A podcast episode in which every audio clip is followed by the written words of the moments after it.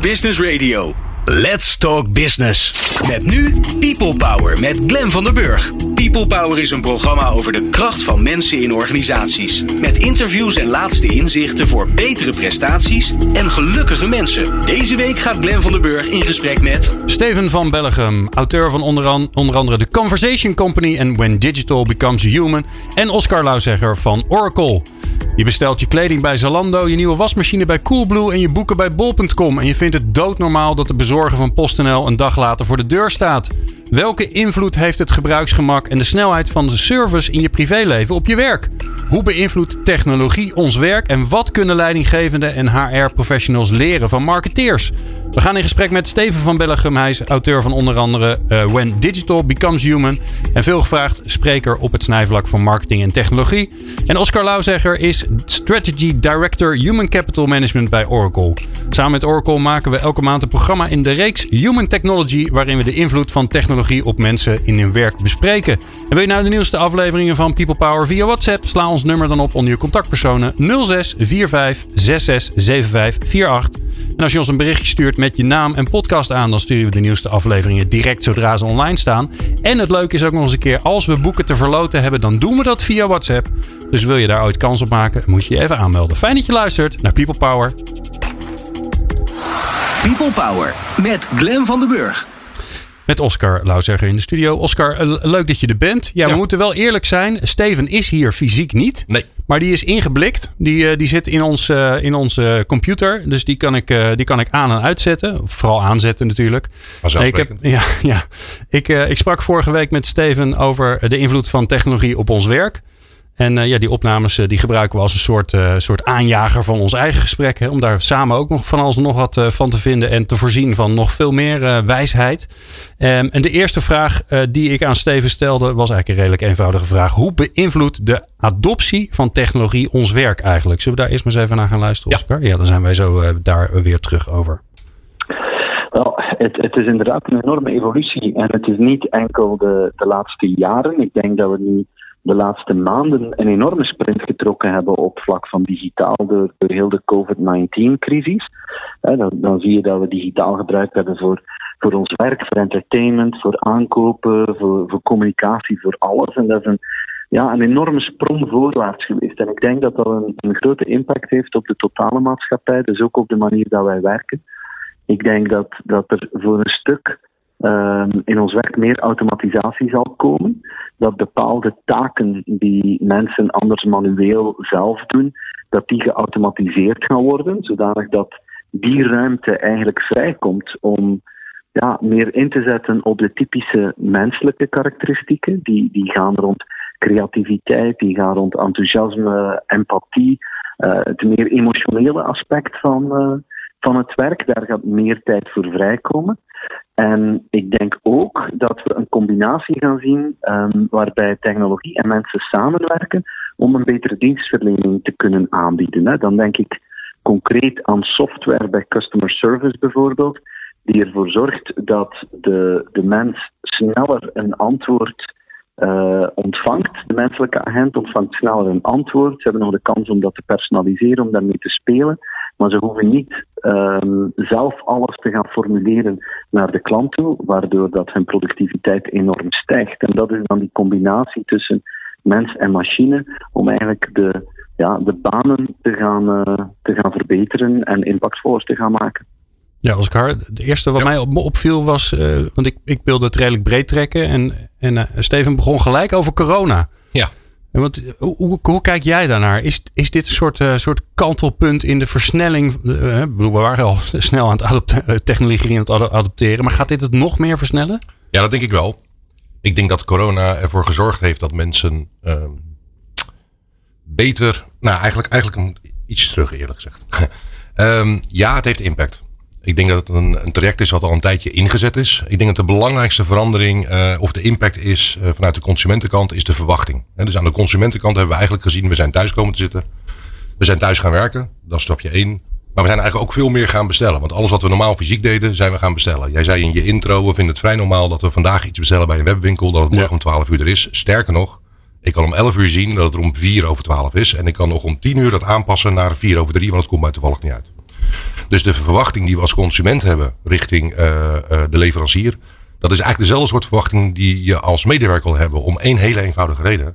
Als medewerker ben je consument. Ja. Ik bestel in het weekend bestel ik spulletjes of s'avonds. Maar door de week ben ik een werknemer van een organisatie. Waarom zou ik door de week andere verwachtingen willen hebben? Nou, ja. Corona heeft dat denk ik verspoedigd in, in, in de vertaling naar het werk.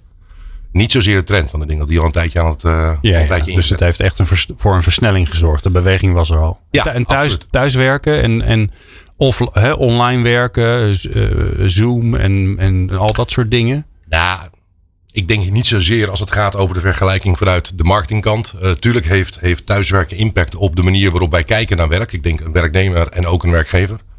Um, gezien dat het eigenlijk best kan. Dat het veel beter kan dan dat we misschien wel dachten. Dat het veel makkelijker kan dan dat we misschien wel dachten na een aantal uh, dingen, een aantal zaken met vallen en opstaan. Ja. Maar niet zozeer dat thuiswerken, Zoom. Kijk, Zoom is een technisch hulpmiddel. Uh, maar is natuurlijk geen revolutie. Nee, maar voorheen hadden we in ons hoofd dat het niet ging werken.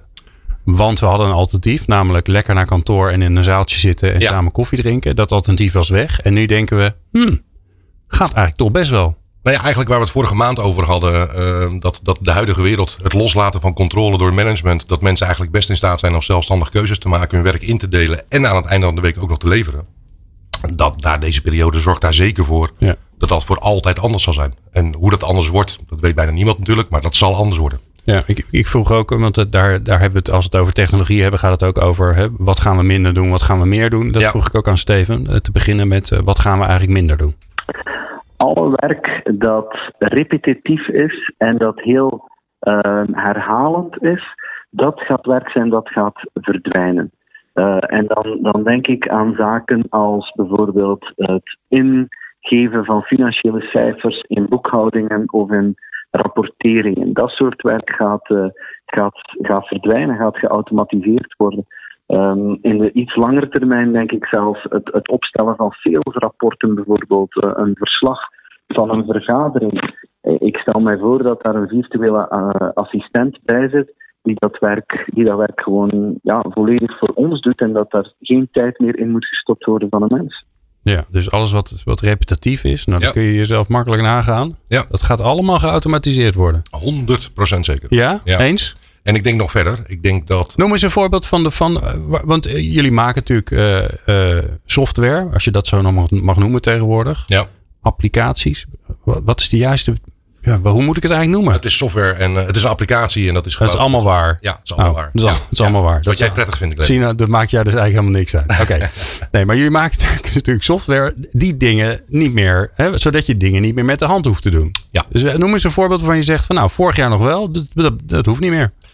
Ik denk dat dat uh, heel erg... Uh, het, het, het starten van de mutatie. En we hebben het over wat gaat digitalisering veranderen. Het starten van een mutatie. Waar ik uh, in het verleden een pen pakte. Vorig jaar met een beetje geluk het kon intypen in een, op een smartphone. Kan ik nu tegen mijn iPhone praten. En die vertaalt dat in een mutatie die het systeem oppakt okay. en uitvoert. Oké. Dus, en ik denk dat dat een van de grootste zaken is die we ja. gaan zien veranderen. Dat is de user interface. Ik denk dat de user interface in de toekomst geen user interface is. Dat is namelijk spraak. Ja. Maar als je dat thuis al doet. Ja. Zoals Siri, Alexa, uh, Google Home al met jou werkt. Je komt thuis, je zegt dat de lamp aan moet, de radio moet aan, tv moet aan of uit. Uh, dat ga je met je werk ook doen. Ik, ik kan sinds uh, begin van dit jaar, als ik een factuur binnenkrijg via e-mail, dat gaat nog via e-mail. Dat is natuurlijk eigenlijk al oldschool, maar ja, ik ben maar een heel klein bedrijfje. Die forward ik dan naar een e-mailadres. Ja. En dan hoef ik verder niks meer te doen. Nee. Nou, dat is toch briljant? Nou ja, dat is. Dat... Maar vroeger zat dus iemand bij mijn accountant, die zat dat over te kloppen en zo. Dat hoeft dus niet meer. Nee, dat klopt. Dus, dus dat is een voorbeeld vanuit de ERP-kant waar je eigenlijk heel goed uh, technieken vanuit de finance-kant techniek kan gebruiken. Datzelfde geldt natuurlijk als jij een, een, een flow opstart voor beoordelingen of, of zaken. Het is natuurlijk veel makkelijker om op een hele eenvoudige manier uh, zaken te integreren in software, omdat ze al in het systeem staan. En dat is denk ik het grote, het grote voordeel van de juiste techniek gebruiken, het juiste platform gebruiken, dat je, dat je alles in één database hebt staan. Betekent dat je vanuit die database alles kan gebruiken voor elke interactie, transitie die jij wil gaan, uh, wil gaan starten. En dat maakt een ongelooflijk verschil. Ja, dus niet meer nog een keer invoeren of nog een keer invoeren. Nee, maar bedenk ook aan hele simpele zaken. Wat gaat techniek meer opleveren? Data. Dus het feit dat je die vervolgens kan analyseren. Waar je in het verleden rapporten moest maken. Wat ontzettend veel uh, tijd kostte. En vervolgens heel veel tijd kostte om te kijken of die data kwaliteit ook goed was. kan je je voorstellen dat een, een, een, een goed systeem veel beter in staat is om de rapportages te maken. Dat is één. Maar ook al om een eerste analyse te doen, waardoor jij als mens je meer kan richten op de toegevoegde waarde in de rapportage dan de data aan zich. Ja, ja en wat ik, ehm, wat ik dan ook bedenk is, moeten we ons daar dan, moeten we daar nou blij mee zijn of moeten we daar verdrietig van worden? Want het is werk wat verdwijnt. Het is werk wat verdwijnt, maar er komt ander werk voor terug. Dus ik denk dat je er blij van moet worden. Ik denk uh, als we kijken naar de eerste revolutie, en dit mogen we de vierde revolutie noemen, dan is er altijd uiteindelijk meer werk teruggekomen. Toen er voor het eerst een trein kwam, toen waren mensen uh, bijzonder uh, boos. Want ja, paard en wagen gingen weg, de saloons gingen weg, et cetera. Lang geleden. Auto, exact hetzelfde. Uh, stoommachines. industrieën die opkwamen met machines, lopende bandwerk ging weg. Het is nu overal normaal dat lopende bandwerk er bijna niet is. Er zitten maar een paar mensen aan de lopende band die controles uitvoeren. Dat gebeurt met kantoorwerk, waar we het dan nu misschien over hebben. absoluut ook. is dat heel erg? Nee, er komt ander werk voor terug. Ja. Nou, hoe uh, Steven dat ziet, hè, welk werk komt er voor terug, dat hoor je zo. People Power. Inspirerende gesprekken over de kracht van mensen in organisaties. Met Glen van der Burg. Uh, Oscar Lau zeggen in de studio. En uh, Steven van Bellegem reeds opgenomen achter, bij mij achter de knoppen. Dus die kan ik, die kan ik naar, naar behoeven aanzetten. We hadden het net over ja, wat, wat gaan we dan minder doen. Nou, de simpele conclusie. Alles wat, wat repetitief is kun je in principe automatiseren. Ja. Uh, of uh, misschien wel uh, AI'en of machine learningen. Of nou ja, welke Zeker. technologie Zeker. er dan precies achter hoort te zitten. Um, de vraag is natuurlijk ook, ja, wat gaan we dan meer doen? Hè? Want je, Oscar, jij bent ook van de positieve school. Hè? De, de werk is ja. er zat. Want er zijn altijd dingen die we door anderen willen, willen laten doen. Of altijd dingen die we, waar we niet aan toe komen. Ja. dus dat vroeg ik ook aan Steven. Ja, wat, wat gaan we dan meer doen? Wel, ik, ik denk dat, het, dat we de evolutie van werk voor onze ogen zien gebeuren. Vroeger werkten de mensen met hun handen, vandaag werken de meeste mensen met hun verstand. Ik denk in de toekomst, als je het verschil wil maken als een mens, dan zal het zijn um, door te werken vanuit je hart omdat dat iets is wat een machine niet kan. En, en dat klinkt misschien voor sommige mensen soft, maar het gaat over die emotionaliteit in, relatie met klanten. Uh, denk aan empathie, denk aan passie, denk aan creativiteit, denk aan de positieve energietransfer tussen, tussen mensen. Dat is iets wat ongelooflijk krachtig is. Um, ik ga een heel simpel voorbeeld geven. Stel de verzekeringssector. Stel dat jij een uh, klein ongeval hebt met jouw auto. En er moeten wat herstellingen gebeuren en, enzovoort enzovoort. Dus je moet je verzekeringsbedrijf daarover informeren. Op dat moment, ja, dan is dat gewoon vervelend dat je daar veel tijd moet instoppen. En dan zoek je eigenlijk een oplossing die vooral snel en makkelijk is. Dat kun je perfect digitaal doen. Daar heb je die mensen niet voor nodig.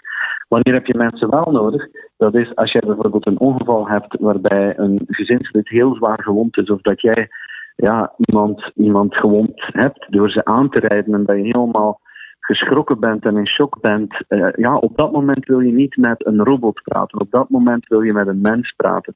Dus van zodra dat die emotionaliteit erin komt, dan, dan kun je een onwaarschijnlijk toegevoegde waarde gaan bieden als, uh, als mens. En ik denk de, de oefening die bedrijven moeten maken, dat is dus durven uitspreken van waar zijn onze mensen goed in en hoe kunnen we ze daar sterker in maken. Waar zijn onze mensen niet goed in en hoe kunnen we daar machines gaan gebruiken? Wat is nu het grote probleem? Dat heel veel managers en bedrijfsleiders hun mensen eigenlijk behandelen als waren het robots. Ze gaan alles van A tot Z gaan uitschrijven hoe dat ze zich moeten gedragen. En dat, dat is niet hoe dat, dan heb je niet de kracht van mensen. Um, als je dat doet, dan kun je het beter uitbesteden naar robots. Die kunnen veel beter een script volgen dan mensen. Mensen kunnen net een script verlaten. En de, de mentale flexibiliteit hebben en het vertrouwen aanbieden aan je medewerkers in een bedrijf, dat zij mogen flexibel zijn om klanten te helpen, dat zij mogen buiten de lijntjes kleuren een beetje om klanten te helpen. Dat is de mindset dat je nodig hebt bij je mensen. Laat ze mens zijn en speel ze uit op die sterkte die we hebben, dat flexibele, dat emotionele. En dan is het leuker zowel voor die medewerkers als voor de klant. Nou, Oscar, dat gaat ook nog best wel wat vragen van organisaties. Hè? Want uh, Steven die zegt even simpel: ja, uh, alles, alles wat je nu aan het scripten bent, wat je aan het structureren bent, nou, dat zou je aan iemand, hè, zou je aan, aan machines, aan de computers over kunnen laten. Um, en datgene wat de mens uniek maakt, is dat hij kan invoelen. En vond het voorbeeld overigens wel erg mooi. Hè? Heb je blikschade of is er, is er emotioneel wat aan de hand? Dan heb je dus een mens nodig die ook zegt: Goh, wat rot voor je. En uh, kan ik verder nog iets voor je doen? En nou, kortom, uh, uh, echte menselijkheid. Maar ja, dan moet je daar wel ruimte voor gaan organiseren. Ja, en die, en die digitale transformatie zal daar mede ruimte in, in voor je creëren. Ik wil ik wil één, op één dingetje terugkomen wat jij daarvoor zei. Technologie is niet hetzelfde als automatiseren. dus automatiseren is dat je processen digitaal maakt en dat die automatisch uh, verder gebracht worden. Ik denk als jij slimme technologie gebruikt, dan is het niet alleen zo dat je die, dat je die processtappen kan volgen, kan, kan, kan doorzetten, maar dat er waarde toegevoegd wordt in zo'n stap. En dat maakt het grote onderscheid. Dat is waarom aan de customer experience kant er zo'n mega stap gemaakt is. Ten opzichte van HR, waar we wel techniek gebruiken, of, dus technologie gebruiken. Maar niet per definitie technologie die waarde toevoegt, maar meer technologie die dit iets uitzet. Want bij, bij, bij die, aan de klantenkant is de, de, de waarde die toegevoegd wordt, is dat je aan het chatten bent met een bot. En dat eigenlijk bijna niet door hebt. Nee, bijvoorbeeld. Dus, en dus dat is geen automatiseren, want ik zeg A, er komt altijd B uit. Precies. Die, die denkt zelf na. Juist. Dus doordat je AI en ML toevoegt, dat betekent dat zo'n chat. Ja, ML is machine learning. Machine learning. Ja, dus, ja, machine learning. Uh, dus dat, en dat betekent dus dat je niet alleen intelligentie toevoegt, maar dat hij ook leert en die intelligentie de volgende keer paraat heeft. Nou, vertalen we dat naar jouw vraag die je net stelde. Pak een helpdesk. Um, het feit dat je in een, in een HR helpdesk uh, krijg je vandaag de dag heel veel vragen die eigenlijk gewoon geautomatiseerd beantwoord kunnen worden. Daar wil ik niemand mee tekort doen, maar dat zijn over het algemeen vrij basic vragen. Op het moment dat je dus een, een, een digital assistant zou hebben die intelligent is, die ervoor kan zorgen dat die vragen niet alleen beantwoord worden, maar ook snapt het onderwerp wat jij wil vragen door de plek waar jij zit in een HR-systeem of door jouw eerdere gedrag in het HR-systeem, weten dat, hé, hey, Glenn wil waarschijnlijk iets gaan vragen over zijn vrije dagen. Laat ik eens beginnen met, wil je wat vragen over je vrije dagen? En vervolgens, als jij een ingewikkelde vraag stelt en het systeem ziet dat die vraag vaker gesteld wordt zonder dat hij daar antwoord op kan geven, of zij, kan daar een intelligentie aan toegevoegd worden, waardoor eigenlijk voor de volgende keer door machine learning het systeem dat antwoord wel kan geven. Dus, dus het systeem leert, het wordt sneller, efficiënter. Dat betekent dat er meer financiële middelen vrij zijn uh, binnen een organisatie om, om elsewhere in te zetten. En dat betekent dat je eigenlijk heel erg kan kijken naar hoe kan ik zorgen dat de mensen die ik heb, intelligentie toevoegen aan de processen die ik heb. En bezig kunnen zijn met tactisch en of strategische vraagstukken uh, binnen een organisatie. In plaats van standaard antwoorden. Ja, en ik hoorde Steven ook zeggen. Hè? Want heel vaak hebben we het over of de machine doet het. Of de mens doet het. Maar hij zei ook duidelijk. Het, het, de combinatie is interessant. Hoe werken die twee met elkaar? Ja. Hè? Dus de, de suggestie die. Uh, die dus ik zie zo'n zo'n uh, zo'n klant, uh, zo'n klant um, persoon achter de telefoon zitten. Uh, achter zijn scherm en, en achter, de, uh, achter de telefoon. En die krijgt gewoon suggesties. Die zegt, nou, je, je, dit zou een antwoord kunnen zijn, dat zou een antwoord kunnen zijn. Ja. Deze kennis heb je eigenlijk nodig om, uh, om goed antwoord te kunnen geven. Klopt. En je ziet dat al in, in voorbeelden buiten HR. De, er is een, een robot die eigenlijk fysiotherapeuten helpt om de standaard bewegingen die een patiënt moet doen, voor te doen. Zodat die fysiotherapeut eigenlijk zich alleen maar hoeft te richten op wat gaat er goed en fout. Met andere woorden, het voordoen dat wordt gedaan door een, in dit geval echt een robot. Hè? Een, een, iemand die, een robot die eruit moet zien als een mens. En dat betekent dat de mens op dat moment eigenlijk waarde toevoegt door alleen te kijken van hé, hey, het is grappig dat die klacht al zo lang bestaat, maar ik zie dat hij op die en die manier zijn knie buigt. Ik heb geen verstand van. Yeah. En op die manier kan je dus als mens blijf je altijd waarde toevoegen. En als je dat vertaalt naar de combinatie, want dat is een hele sterke. Het vergaren van data, een eerste analyse van data, een data is de data Kwaliteit is het integer. Dat kan een computer vele malen beter dan jij en ik. Omdat hij namelijk niet moe wordt en er niet zagrijnig wordt. Maar vervolgens dat overnemen om interpretaties aan te geven. Dus niet op basis van data voorstellen. Maar op basis van grijze massa de wereld om ons heen verandert. Dat zien wij nou eenmaal eerder dan een computer. Om daar nou vervolgens wat mee te doen. Daar komt de mens. En er blijft de mens in mijn optiek. Ja, ja en invoelen dat, uh, hoe je iets moet brengen. Nou ja, als jij, als jij op, uh, op, ik weet niet exact de data meer, maar stel dat op 18 maart de lockdown aangekondigd is, dan zal één minuut daarvoor een, een, een, een, systeem niet nagedacht hebben over die lockdown. Het feit dat je dan daarna een keuze moet maken, betekent, hé, hey, de wereld is veranderd in de laatste uur. Dus die data klopt. Maar omdat deze situatie in de hand is, ga ik toch iets anders voorstellen. En dat zal een computer nooit kunnen doen. Dat zal technologie niet kunnen doen. Nee. Dus uh, dat hoop ik eigenlijk dat ze dat niet kunnen. Nou ja, rare situatie. En, en, ook, en ook dan kunnen wij wel weer andere dingen waar we dan toch nog stiekem eventjes beter en beter in zijn. Absoluut. Uh, wat ik wel grappig is, vind, want daar hebben we het al een paar keer over gehad. Hè? Um, uh, dat komt natuurlijk ook omdat Steven vooral naar de marketingkant kijkt, hè? Naar, de, naar, het, naar het klantcontact. Uh, dus, dus die kant van, van organisaties en, en het daar hebt, heeft over technologie. Ik heb ook het idee, en de, daarom vroeg ik het ook aan hem, dat dat de ontwikkelingen daar wat sneller gaan. Omdat de impact op de bottom line misschien ook wat, wat groter is dan bijvoorbeeld in het HR-gedeelte. dus ik vroeg aan hem van, joh, wat, hoe zie jij dat? Wat is nou de invloed van die, die marketing, bijvoorbeeld de customer experience, op, op de rest van de organisatie? Ik zie bij, bij marketing en customer experience altijd drie voordelen opduiken dat, dat je kunt realiseren voor, voor klanten. Uh, faster than real time is de eerste um, die heel vaak terugkomt, waarbij je eigenlijk anticipeert op problemen en problemen oplost voordat ze zich stellen bij de klant. Het tweede is. Um, Heb je daar een voorbeeld van? Ja, een voorbeeld is bijvoorbeeld je eigen cv-ketel die een berichtje naar jou stuurt en zegt ik, uh, ik ga volgende week kapot gaan. Ik voel dat al. Uh, stuur, stuur nu maar iemand om dat te komen repareren.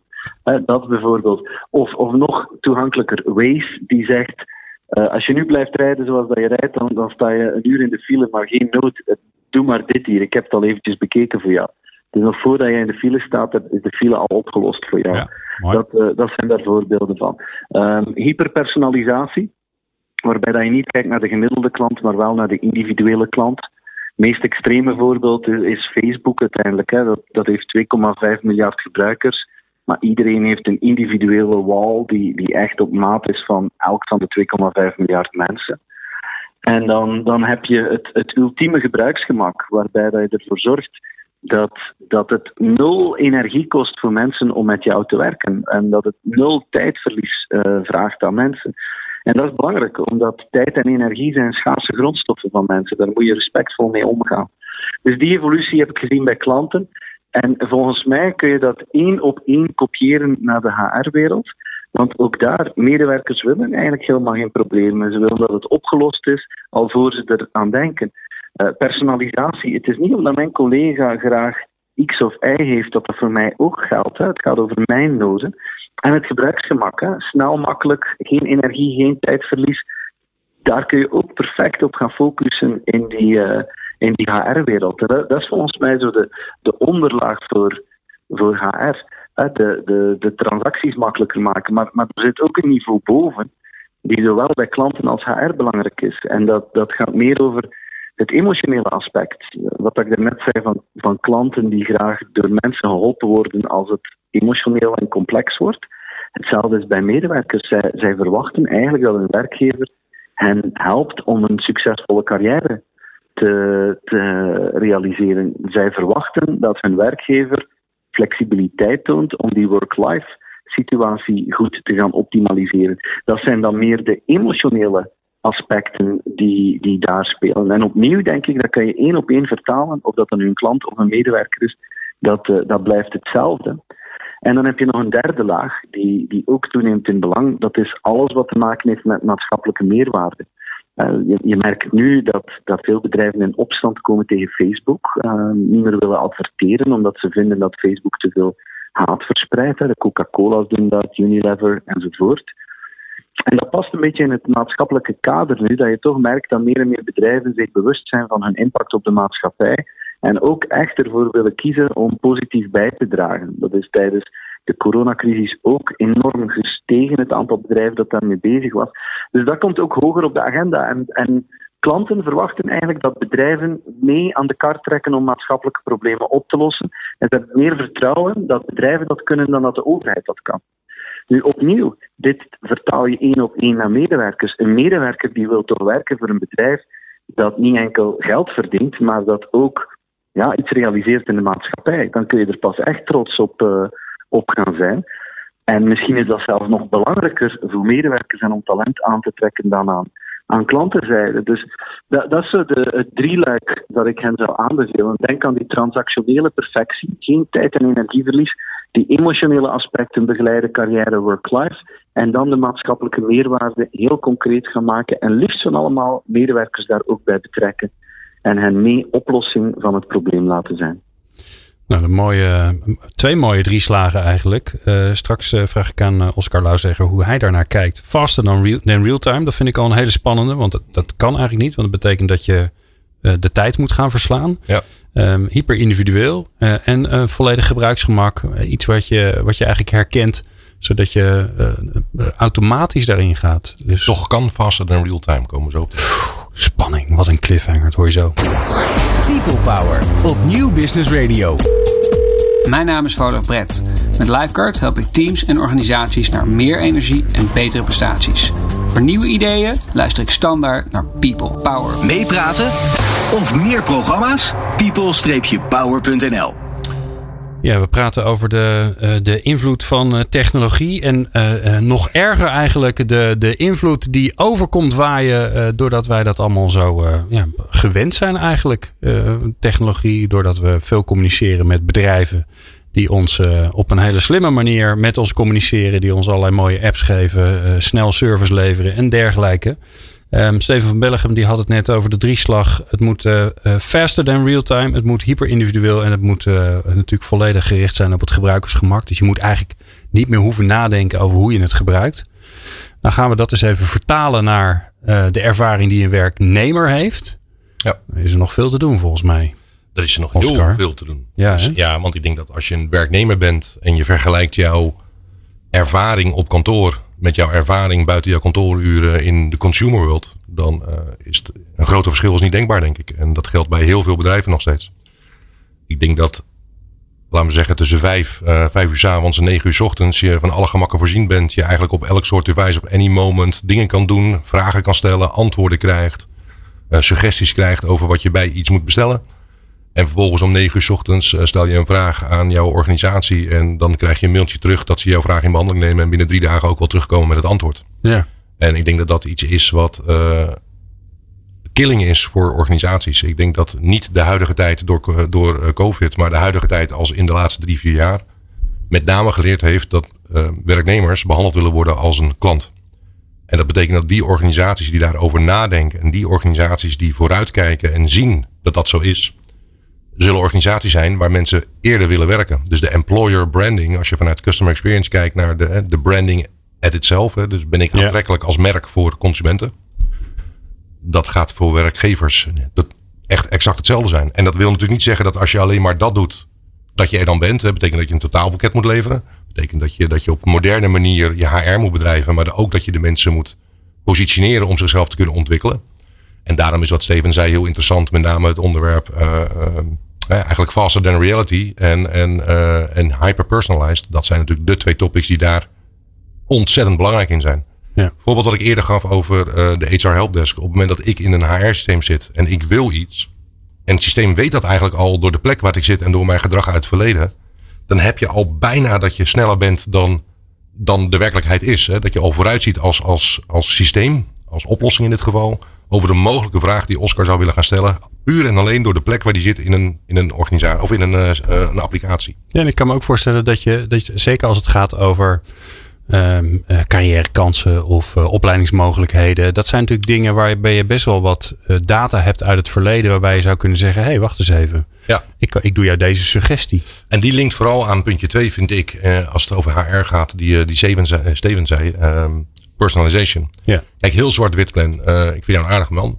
Als wij samen in oh, dezelfde, graag gedaan. Als wij samen in dezelfde rol zitten in een organisatie, kan het niet zo zijn dat wij van de 100 opleidingen ze alle 100 exact hetzelfde volgen. Want jij hebt een totaal achtergrond, achtergrond dan ik, maar ook andere ambities en andere ideeën over jouw toekomst. Wat gebeurt er in 999 van de 1000 bedrijven? Bewust een vrij hoog getal noemen, want ik denk dat het echt zo is. Iemand in een rol krijgt een opleiding die voor die hele rol geldt. Of communicatie over een leaseauto gaat ook net naar die ene medewerker die geen leaseauto wil, maar hem zo graag had gewild. En dat loopt dus irritatie op. Ja, maar wat ik ook zie gebeuren is het tegenovergestelde, namelijk. Um, en dan wordt ook iedereen over een kam uh, geschoren. Als ik dat zo, ja, zeg ik het dan goed? Ja, volgens ja. mij zeg ik het goed. Waarbij er wordt gezegd: uh, hier is je budget, dus jouw persoonlijk budget, mag je zelf uitgeven. Hier is een, een platform, ja. daar staat alles, alles op. Ja. Van kantklossen tot uh, cursus Spaans tot, uh, tot uh, Whatever you want. kernfysica. Veel succes. Ja. Nou, dus helemaal geen advies. Nee. En uh, ik denk dat je dat tweede concept, want ik geloof sterk in dat concept, wel moet verbinden met slimme technologie. Met andere woorden, op het moment dat ik een bepaalde ambitie heb aangegeven in mijn, in mijn carrière. Um, en ik heb bepaalde kennis en kunde en ervaringen vandaag. Dat betekent dat er een gat is. Hè. Er zal altijd ja. een gat zijn voor de volgende rol dat het systeem eigenlijk op basis van die gap analysis mij adviezen geeft over opleidingen, trainingen om te volgen uit die oeverloze catalogus met allerlei opleidingen die daar zijn. Ja. Betekent ook dat een systeem slim kan zijn en kan denken: hey, dat is interessant. Twee jaar geleden heeft Glenn exact datzelfde traject gelopen. Oscar, jij kent Glenn niet, maar je moet eens contact opnemen met Glenn. Die kan jou eigenlijk helpen hoe zo'n traject eruit ziet. Betekent als we teruggaan naar het eerste gedeelte van ons onderwerp, waar, wat gaan mensen minder doen, wat gaan mensen meer doen met technologie. Een manager, een, een, een lijnmanager, zal dus veel minder tijd kwijt zijn met het zoeken naar trainingen, opleidingen voor zijn of haar team. En zal veel meer positief strategische tijd kwijt kunnen zijn met hoe ontwikkel ik mijn persoon naar de volgende stap. Ja. En dat zijn zaken die technologie alleen maar kunnen als de technologie slim is. Want dat is Eigenlijk moet die leidinggevende voor de, voor, de, voor de data, voor de kennis zorgen, waardoor, uh, nou ja, waardoor het systeem vervolgens kan zeggen: Oké, als je dit wil, als je dit belangrijk vindt en je hebt deze kwaliteiten nodig, je denkt dat de toekomst ongeveer die kant op gaat, ga ik je helpen om te zorgen dat jouw mensen dat gaan leren. Want deze, want die weet ook al, deze mensen die kunnen dat al lang. Uh, deze willen het graag leren. Deze vinden het eigenlijk niet zo interessant. Ja, en dan is het allerbelangrijkste, vind ik, dat uh, in dit geval hebben we het over een, een, een HR-oplossing die jou daarin helpt. Dat die vooral in eerste instantie mij helpt. En dat dat past bij wat mijn organisatie wil dat mijn afdeling naartoe gaat. Hè. Dus ik ja. moet niet iets gaan doen wat totaal los staat van, mijn, uh, van de competenties en, of de doelstellingen van een organisatie. Dat mijn manager daarin ondersteund wordt om mij naar dat niveau te krijgen of naar die opleidingen te krijgen. En als je, als je dat op een goede manier doet en je zorgt ervoor dat data dus op een slimme manier door middel van AI, ML, uh, alle intelligentie toegevoegd wordt, ervoor zorgt dat ik die hyper-personalized boodschap krijg, dan heb je deel 1 van hyper-personalized en dat kan je één op één vertalen met, met de consumentenwereld, heb je te pakken. Een tweede gedeelte is de communicatie waar we het net over hadden. Dus voorbeelden van, ja, wil ik bepaalde informatie wel krijgen of niet krijgen? Uh, ik, ja. wil gewoon, ik wil met alle respect, maar ik wil informatie krijgen die voor mij relevant is. En niet informatie krijgen die voor jou relevant is als ik daar niks aan heb. Want ja, dat is dan eigenlijk zonde van de tijd. En ja. we zijn allemaal gewend tegenwoordig in de, in de consumer world om gewoon weg te klikken waar we niet in geïnteresseerd zijn. Als we in de eerste drie seconden niet zien dat het relevant is, doen we het weg. En daar is nog een hoop werk te verrichten. En daar is heel jongen, veel jongen, werk te doen. Daar ja. is heel veel werk. Ik bedoel, uh, ik, iedereen die luistert, kijk, kijk maar eens even naar je intranet. Nou, staat daarop wat jij interessant vindt? Ja. Of staat daarop wat, uh, wat, wat men vindt, waarschijnlijk van de afdeling communicatie, dat, dat jij moet lezen? Of staat er toevallig op wat het laatste erop is gegooid? Nou, ik denk dat alles erop staat. En dat is, het, en weet je, dat is een beetje het punt. Ik denk dat de, de afdeling communicatie in deze niet zo heel veel te verwijten valt. Er is geen ander kanaal bij heel veel organisaties dan maar ja. gewoon alles daarop plempen, oneerbiedig gezegd. Ja. En maar hopen dat jij en ik dat eruit halen wat relevant is voor ons. Ja. Maar als je natuurlijk op diezelfde manier dat heel gericht kan sturen. Waardoor ik als ik mijn HR-omgeving open of, of een e-mail krijg of een alert krijg in welke vorm dan ook. Van hé hey Oscar, er is een relevante boodschap voor jou die jij vast wil zien op basis van jouw kenniskunde, ervaring en ambitie. Dan ga je natuurlijk veel meer mensen bereiken met die ene boodschap. En dat staat los van een algemene opmerking die, uh, of een boodschap die een CEO wil plaatsen. Die gaat naar iedereen uiteraard. Maar met name vanuit development, learning, succession management. Ja, zijn er nog heel veel stappen te maken en kunnen we leren van marketing. Ja, nou, ik, ik, vroeg ook aan, aan Steven of hij nog advies had voor, uh, voor HR professionals vanuit zijn, nou ja, de, de, ontwikkeling die hij heeft meegemaakt op, op marketinggebied. Voor veel mensen is het nu, als ze de kantoren binnenkomen, dat ze de teletijdmachine van professor Barabbas instappen hè, en, en, tien jaar terug in de tijd gaan en met, met oude apparatuur werken, waar dat ook de helft niet mag van IT, om god weet welke reden. En dat, dat zorgt vaak voor frustratie, uh, waarbij mensen dat wel snappen, maar toch vooral heel vervelend vinden. Dus wat je ziet is dat die verwachting van die werknemer, die is heel hoog. Die verwacht eigenlijk hetzelfde gebruiksgemak op het werk als, als dat je een, ja, iets, iets koopt bij, bij Coolblue of Bol.com. Dat is, dat is exact die verwachting die zij hebben. Dat is een struggle geweest voor heel veel bedrijven om dat aan te bieden. Ik denk dat dat de komende jaren enorm gaat verbeteren. Maar echt heel snel gaat verbeteren. Door alle cloud-oplossingen die er aankomen, waarbij dat bedrijven eigenlijk gewoon technologie van het, van het internet kunnen gaan plukken en loslaten op hun uh, medewerkers. Die installaties zijn veel sneller, die updates zijn in, in real time, waardoor dat ze veel minder met, met oude rommel zullen opgezadeld zitten dan, uh, dan in het verleden. we gaan er nog een, een, een, uiteraard een paar jaar nodig hebben. Maar ik denk wel dat, dat de, de nieuwe structuur van het internet, waar dat cloud veel belangrijker wordt, dat dat een enorme verbetering gaat zijn. Maar moest ik HR-verantwoordelijke zijn of leidinggevende, ik zou er een prioriteit van maken om echt eens te gaan kijken van hoe kan ik het snel, makkelijk en leuk maken voor, voor mensen om, om bij ons te werken en met de tools gebruik te maken. Je, je betaalt mensen uiteindelijk veel en je wilt toch niet dat ze x procent van hun tijd, hun tijd moeten verliezen met, met frustraties over niet goed werkende tools. Eigenlijk is dat een, een verspilling van talent als je daar geen prioriteit van maakt. Ja. Ja, Oscar. Het eerste wat ik eigenlijk in mij te, te binnen schiet, is dat dat, dat je, als je nu aan het luisteren bent als leidinggevende of als HR-verantwoordelijke, dan denk je, en je, en je weet wat voor nou, systeem of uh, wat voor spullen je gebruikt om, te, om, uh, uh, om met je collega's te communiceren en wat je, wat je de collega's eigenlijk aanbiedt om hun werk te doen. Dat je denkt, ja, we zouden naar iets anders moeten. We zouden moeten vernieuwen, innoveren op dat gebied. Maar holy shit, hé, dat gaat een bak geld kosten. En hoe ga ik, hoe ga, hoe ga ik die boodschap brengen ja. naar de leider van de organisatie of degene met het budget? Ja. Dat is natuurlijk nog wel een uitdaging. Nou, dat kan me voorstellen dat je in ieder geval op het moment dat je dat bedenkt, dat het als een mega uitdaging voelt. En, en vanzelfsprekend is het ook een challenge. Want elke euro die je uitgeeft, moet je natuurlijk wel kunnen verantwoorden als uh, een toegevoegde waarde euro. Ja. Maar ik denk als je begint bij het vraagstuk, als ik nou niet ga digitaliseren, en met digitaliseren bedoel ik echt digitaliseren, kan ik dan meeblijven? Blijf ik dan relevant? Kijk naar al die bedrijven die, die, die eigenlijk de, de webshop momentum hebben gemist. Hoe die nu aan het struggelen zijn. Ik zal bewust geen namen noemen. Er kunnen luisteraars bij zitten natuurlijk. is niet fijn. Maar die hebben, die hebben het moeilijk. Omdat mensen eigenlijk hun niet meer kunnen vinden. Omdat ze niet meer relevant zijn. Omdat ze er fysiek naartoe moeten. Dus ik denk dat het begint bij het feit, zorg dat je relevant blijft. Met andere woorden, begin nu met een digitalisering. Maar de tweede stap is dan wel erg belangrijk. Wat is een digitalisering? Is een digitalisering dat ik allerlei verschillende oplossingen bij elkaar ga halen.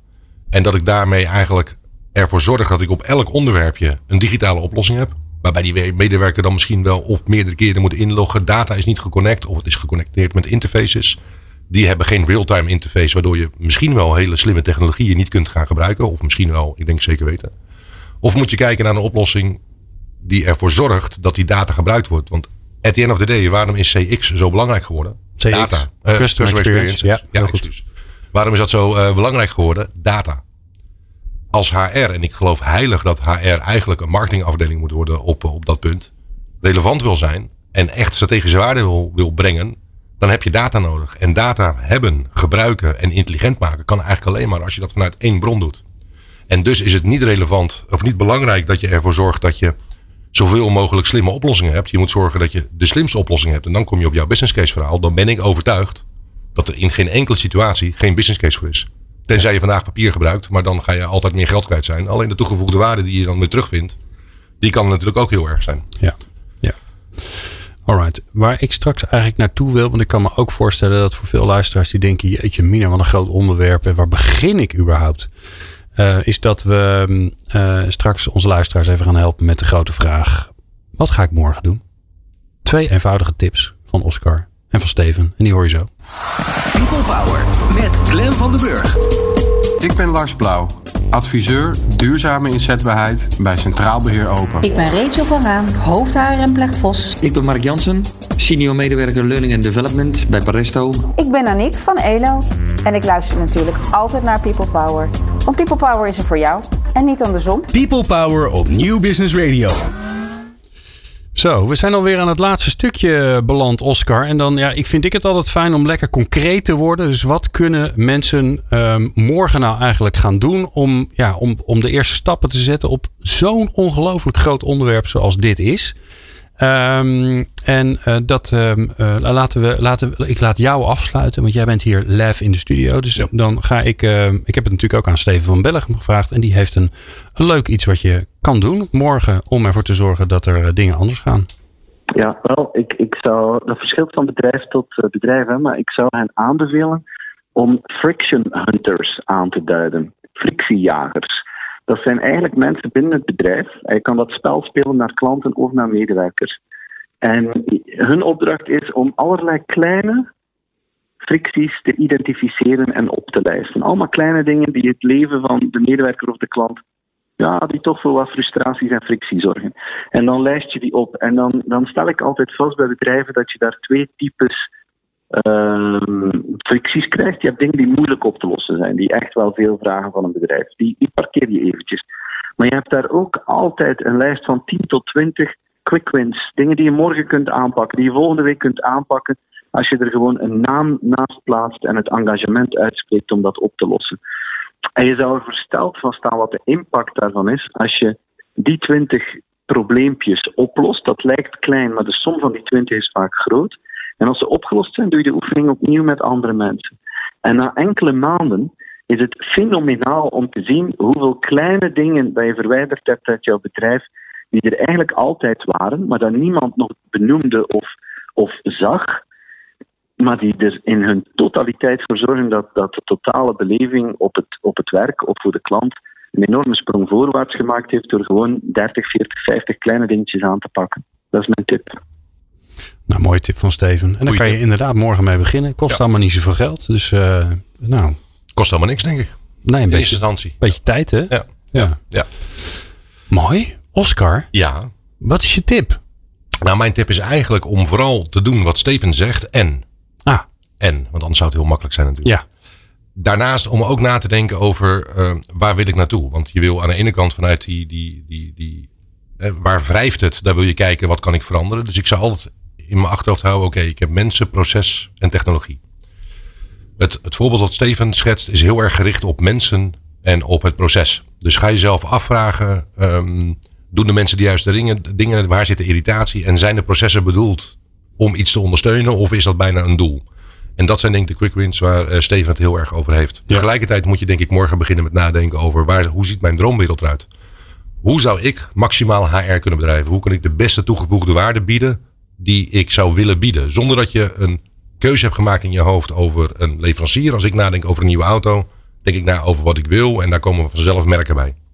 Als je dat gaat doen in een twee sporen bereid, dus ik ga vast kijken naar de quick wins op mensen en proces en ik ga nadenken over welke technologie ik nodig heb om mijn droomwereld te gaan bewerkstelligen. Dat zijn dingen die je allebei morgen kan doen, die allebei tijd kosten in je hoofd, maar allebei niet mega duur zijn. Maar er wel voor gaat zorgen dat je een visie hebt waar je naartoe wil. Want ik denk dat de roadmap waar je naartoe wil. Eigenlijk als ik met organisaties praat. Het, het probleem is wat de meesten hebben. Ze zien niet waar ze naartoe willen. Maar ze gaan vandaag wel heel veel acties nemen. Ja. Dus je moet een stip op de horizon hebben. Ja, mooi.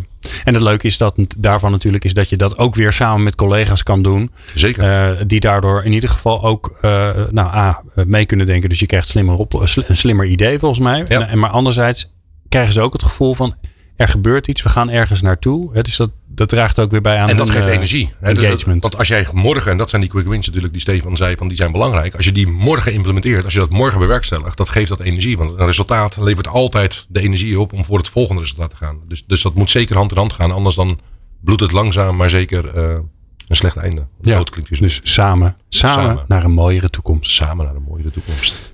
Oscar, ik dank jou zeer. Uh, Steven van Bellegem dank ik op afstand zeer voor Ja. zijn uh, mooie bijdrage. Uh, we spreken jou vast weer na de zomer. Want Ja. we- we- dit is aflevering 2 en we gaan er zes maken samen. Dus we hebben nog een weg te gaan. Gelukkig. Alleen maar goed. Met Bruce Springsteen natuurlijk weer. Dank je. Dus als je podcast luistert, denk je waar heb je het over? Maar als je live luistert, zit er altijd Bruce Springsteen in deze afleveringen. En natuurlijk altijd de combinatie van mens en technologie. Want daar hebben we het in, deze, in deze reeks over. Um, ja, uh, voor mij en naar jou. Um, uh, ik zal het zonder jou uh, even, even, moeten doen. En jij zonder mij. Ja. Uh, want um, we, we zijn er even een aantal weken niet live. Um, maar ik kan me zo voorstellen dat je nog niet alles hebt geluisterd van de 345 afleveringen. Want dit was de 345ste.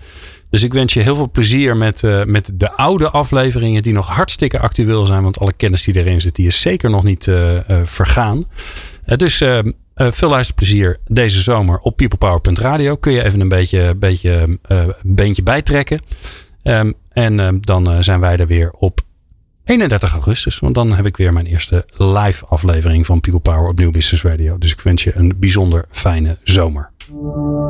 Meepraten of meer programma's? people-power.nl